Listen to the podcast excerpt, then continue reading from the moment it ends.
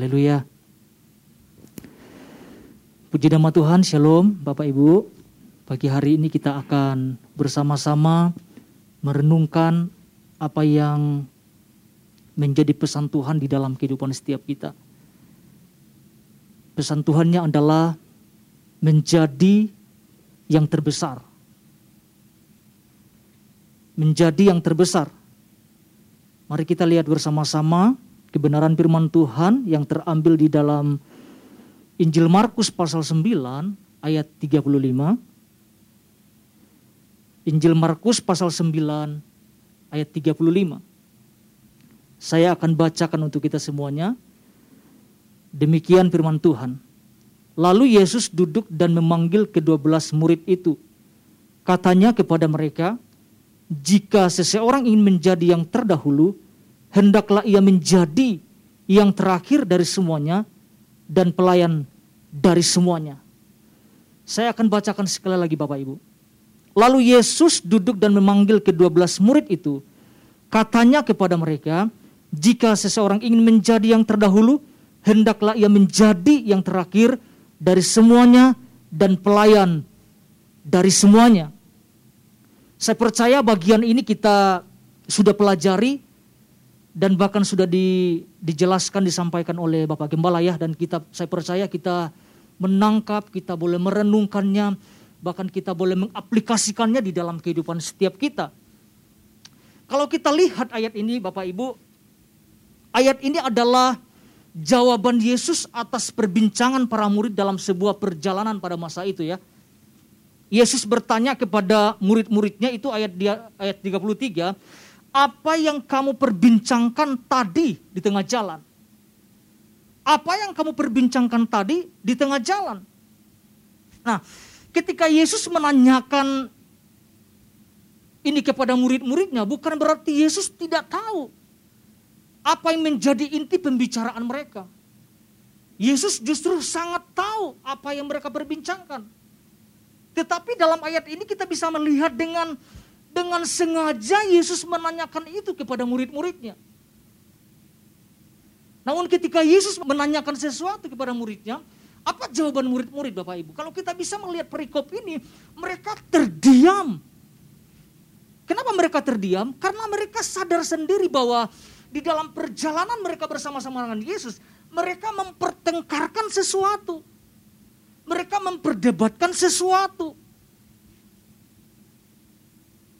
Buat Tuhan itu tidak penting, buat mereka mungkin penting.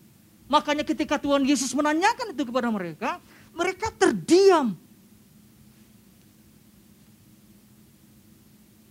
Ternyata selama perjalanan mereka bersama-sama dengan Yesus, mereka memperebutkan tentang posisi, tentang jabatan, siapa yang, yang, yang terbesar di antara mereka pada saat itu. Ini wajar saja Yesus nanya itu, apa yang kamu pertengkar, kenapa yang kamu bicarakan?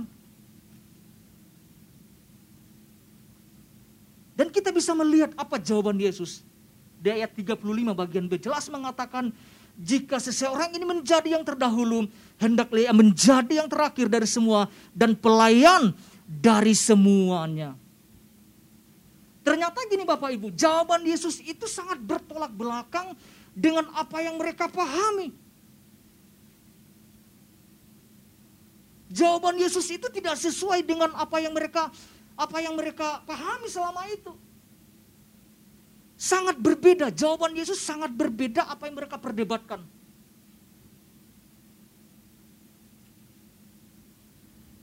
Bahkan Yesus berkali-kali mengajarkan murid-muridnya, tetapi murid-murid ini lamban, lamban untuk menangkap sesuatu apa yang Yesus mau sampaikan kepada murid-muridnya. Kita kita lihat bersama-sama Bapak Ibu ayat 30 sampai 32. Mereka nggak menangkap apa yang Yesus sampaikan, apa yang Yesus ajarkan kepada murid-murid. Mereka tidak tangkap. Mereka sibuk dengan urusan posisi. Mereka sibuk dengan urusan siapa yang terbesar di antara mereka pada saat itu ya. Ayat 30 sampai 32 kita akan lihat bersama-sama. Demikian firman Tuhan. Yesus dan murid-muridnya berangkat dari situ dari dan melewati Galilea dan Yesus tidak mau hal itu diketahui orang. Ayat 31. Sebab ia sedang mengajar murid-muridnya. Ia berkata kepada mereka, anak manusia akan diserahkan ke dalam tangan ke dalam tangan manusia dan mereka akan membunuh dia dan tiga hari sesudah ia dibunuh ia akan bangkit ayat 32 mereka apa yang firman Tuhan katakan Bapak Ibu mereka tidak mengerti perkataan itu jauh sebelumnya Yesus sudah sampaikan tentang hal ini tetapi di ayat ini kita bisa melihat bahwa mereka tidak mengerti perkataan itu namun segan menanyakannya kepadanya atau kepada Yesus.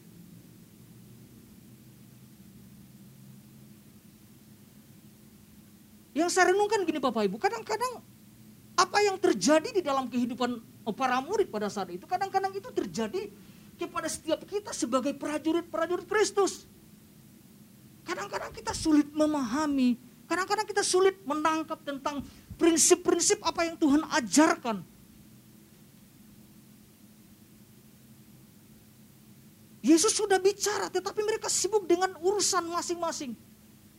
Urusan urusan kepentingan diri mereka sendiri. Tentang siapa yang terbesar di antara mereka. Menjadi terbesar tidak salah Bapak Ibu. Tetapi prinsip apa yang kita kita hidupi untuk menjadi yang terbesar? Ternyata berbeda apa yang Yesus sampaikan kepada murid-muridnya. Buat saya itu adalah sebuah templakan supaya mereka sadar bahwa yang terpenting adalah bukan yang terpenting apa yang dunia pikirkan, tapi yang terpenting apa yang kerajaan surga nyatakan kepada mereka. Harus rela melayani. Kalau mau yang terdahulu harus yang dari kemudian. Ini yang firman Tuhan jelaskan Bapak Ibu. Jadi lewat pesan Tuhan ini, Tuhan mau ajarkan setiap kita tentang prinsip-prinsip kerajaan surga. Prinsip-prinsip berdasarkan tentang nilai-nilai kebenaran itu sendiri. Sebelum kita jawab Bapak Ibu, saya akan bacakan inti pesan Tuhannya. Ini ada sesuatu yang dapat kita renungkan bersama-sama.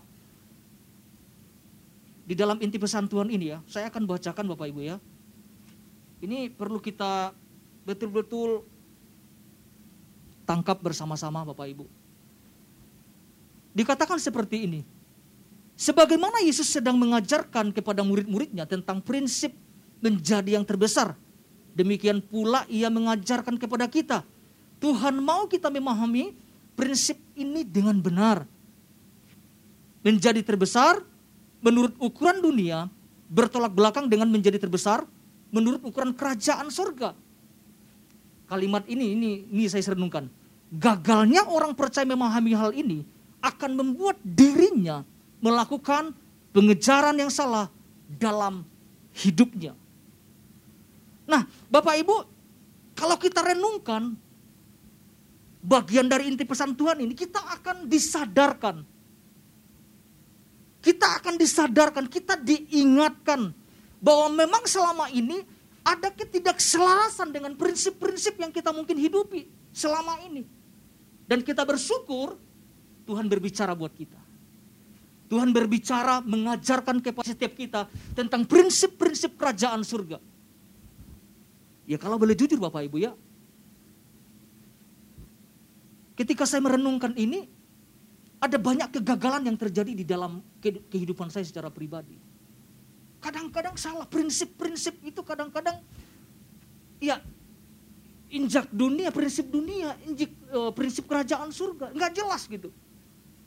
Tetapi melalui pesan Tuhan ini saya merenungkan sesuatu yang yang membuat saya terdiam bahwa iya ya kalau kita perhatikan dunia semua orang berlomba-lomba untuk menjadi apa? Untuk menjadi yang terbesar. Tetapi menurut, menurut ukuran dunia tanpa disadari orang-orang percaya pun ikut terlibat di dalamnya mengejar hal yang sama dengan dunia kejar. Hidup dalam kompetisi. Tidak salah, tetapi jalurnya harus benar, prinsipnya harus benar yang kita bangun. Ini yang Tuhan ajarkan kepada setiap kita. Nah ketika kita menghidupi prinsip-prinsip yang seperti itu, maka apa yang dilakukan? Mengejar dengan cara-cara dunia mengejar menghalalkan berbagai cara untuk sukses. Menghalalkan berbagai cara untuk menjadi nomor satu.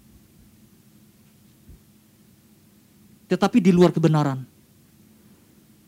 Jadi saya sendiri diteguhkan dengan kebenaran ini Bapak Ibu. Saya disadarkan bahwa iya iya. Kalau kita buka mata lebar-lebar, semua berlomba untuk menjadi nomor satu. Termasuk para murid pada saat itu. Mereka berlomba-lomba. Nanti saya akan bagikan di ayat, oh di poin yang akan saya bagikan Bapak Ibu. Kita akan belajar sesuatu hal pagi hari ini. Berkaitan pesan Tuhan ya dalam minggu ini. Satu hal ini yang dapat kita pelajari.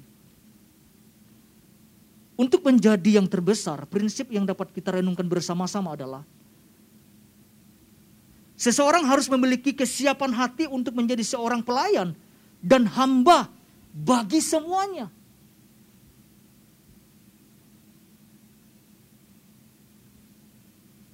Ini juga sudah dijelaskan oleh Bapak Gembala ya. Dan kalau kita pelajari Bapak Ibu, prinsip inilah yang Yesus ajarkan kepada murid-muridnya dan juga kepada setiap kita sebagai gereja Tuhan. Jika seseorang menjadi yang terbesar, maka prinsip ini harus melekat di dalam diri orang percaya tersebut. Prinsip apa? Prinsipnya ini harus siap menjadi seorang pelayan atau seorang hamba bagi semuanya. Karena Yesus lakukan juga Bapak Ibu. Yesus ajarkan, Yesus sampaikan, dia lakukan. Bahkan di warta dijelaskan bahwa Yesus datang ke dunia mengambil rupa seorang hamba dan menjadi sama dengan manusia. Menjadi hamba yang tidak dipandang mata. Dan itu Yesus lakukan. Sekalipun dia sebagai raja di atas gelar raja. Kita mau lihat dasar firman Tuhannya Bapak Ibu. Markus pasal 10, kita lompat ya satu pasal ya. Markus pasal 10 ayat 40 sampai 45. Markus 10 40 sampai 45 saya akan bacakan Bapak Ibu. Tetapi hal duduk di sebelah kananku atau di sebelah kiriku, aku tidak berhak memberikannya. Itu akan diberikan kepada orang-orang bagi siapa itu telah disediakan. Mendengar itu ke sepuluh murid yang lain menjadi marah kepada Yakobus dan Yohanes. Tetapi Yesus memanggil mereka lalu berkata, kamu tahu bahwa mereka yang disebut pemerintah bangsa-bangsa memerintah rakyatnya dengan tangan besi. Dan pembesar-pembesarnya menjalankan kuasanya dengan keras dengan keras atas mereka. 43. Ini ini dahsyat banget. Tidaklah demikian di antara kamu. Ini Yesus berbicara kepada murid-muridnya. Tidaklah demikian di antara kamu. Barang siapa ingin menjadi besar di antara kamu. Ini hebat ini. Hendaklah ia menjadi pelayanmu. Dan barang siapa ingin menjadi yang terkemuka di antara kamu. Hendaklah ia apa? Menjadi hamba untuk semuanya. Alkitab mengatakan untuk semuanya. Ayat 45, karena anak manusia juga datang bukan untuk dilayani. Melainkan untuk melayani dan untuk memberikan nyawanya menjadi tebusan bagi banyak orang. Kalau kita perhatikan perikop ini Bapak Ibu, ini dilatar belakangi oleh permintaan Yakobus dan Yohanes. Tentang kelak mereka bisa duduk dalam kemuliaan Tuhan. Yang satu di sebelah kanan, yang satu di sebelah kiri. Dan apa jawaban Yesus? Yesus menegur mereka. Kenapa Yesus tegur? Karena mereka tidak tahu apa yang mereka minta.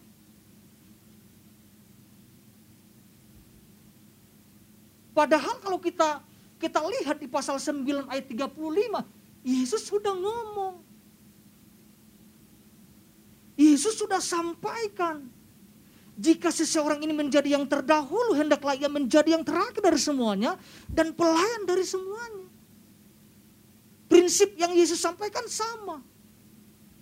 Tetapi kejadian kembali terhadap murid-murid ini. Yakobus dan Yohanes, mereka memperebutkan siapa yang sebelah kanan, siapa yang sebelah kiri. Dan kita tahu ke sepuluh murid kan guru mereka kan, mereka marah.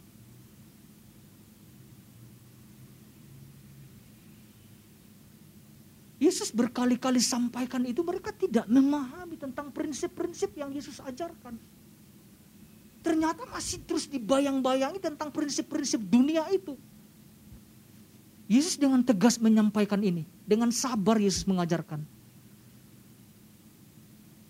Barang siapa ingin menjadi besar di antara kamu, hendaklah ia menjadi pelayanmu. Dan barang siapa ingin menjadi yang terkemuka di antara kamu, hendaklah ia menjadi hamba untuk semuanya. Menjadi hamba itu tidak mudah Bapak. Menjadi pelayan itu tidak mudah. Diperlukan kesiapan hati. Yesus adalah contohnya. Kita sudah dengarkan pada hari Selasa ya. Untuk menjadi seorang pelayan, menjadi seorang hamba untuk semuanya itu tidak mudah. Ternyata ada hal-hal yang Yesus lakukan di luar apa yang mereka murid-murid bayangkan Bapak Ibu. Ya. Apa yang kita lihat di ayat 45. Ini yang Yesus lakukan. Yang pertama itu melayani. Alkitab jelas mengatakan aku datang bukan untuk dilayani, melainkan melayani. Mari kita lihat firman Tuhan Yohanes pasal 13. Yohanes 13 ayat 4 sampai 5. Apa sih yang Yesus lakukan? Keteladanan apa yang Yesus ajarkan kepada murid-muridnya? Yohanes pasal 13 ayat 4 sampai 5 saya akan bacakan. Lalu bangunlah Yesus dan menanggalkan jubahnya, ia mengambil sehelai kain lenan dan mengikatkannya pada pinggangnya. Ayat 5. Kemudian ia menuangkan air ke dalam sebuah basi dan mulai membasuh kaki murid-muridnya. Lalu menyekanya dengan kain yang terikat pada pinggangnya itu. Apa yang lakukan Bapak ini? Layani. Bayangkan Yesus sebagai raja di atas segala raja mau melayani sedemikian rupa. Merendahkan dirinya. Menjadi seorang hamba untuk semuanya.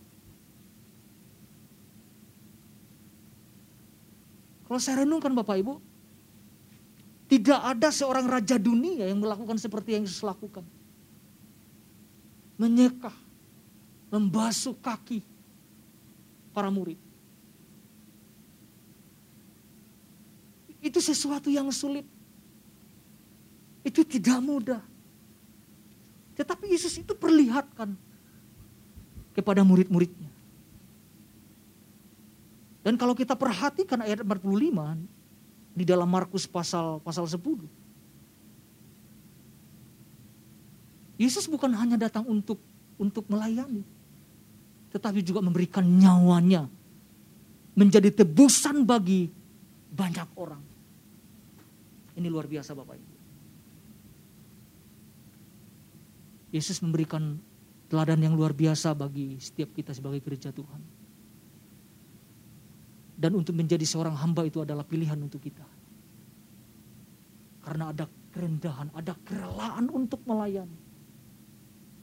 Karena prinsip itu yang ajarkan ya. Kalau kita perhatikan ayat-ayat yang kita baca. Jadi saya tidak mau panjang lebarkan Bapak Ibu. Jadi satu hal ini yang dapat kita sama-sama renungkan, sama-sama kita pelajari, sama-sama kita tangkap. Supaya prinsip ini kita pegang di dalam kehidupan setiap kita. Untuk menjadi pribadi-pribadi, untuk menjadi prajurit-prajurit yang memiliki landasan atau prinsip-prinsip kebenaran di dalam kehidupan setiap kita masing-masing. Jadi untuk menjadi yang terbesar prinsip yang dapat kita renungkan bersama-sama itu seorang harus memiliki kesiapan hati untuk menjadi seorang pelayan dan hamba bagi semuanya. Tuhan Yesus memberkati setiap kita.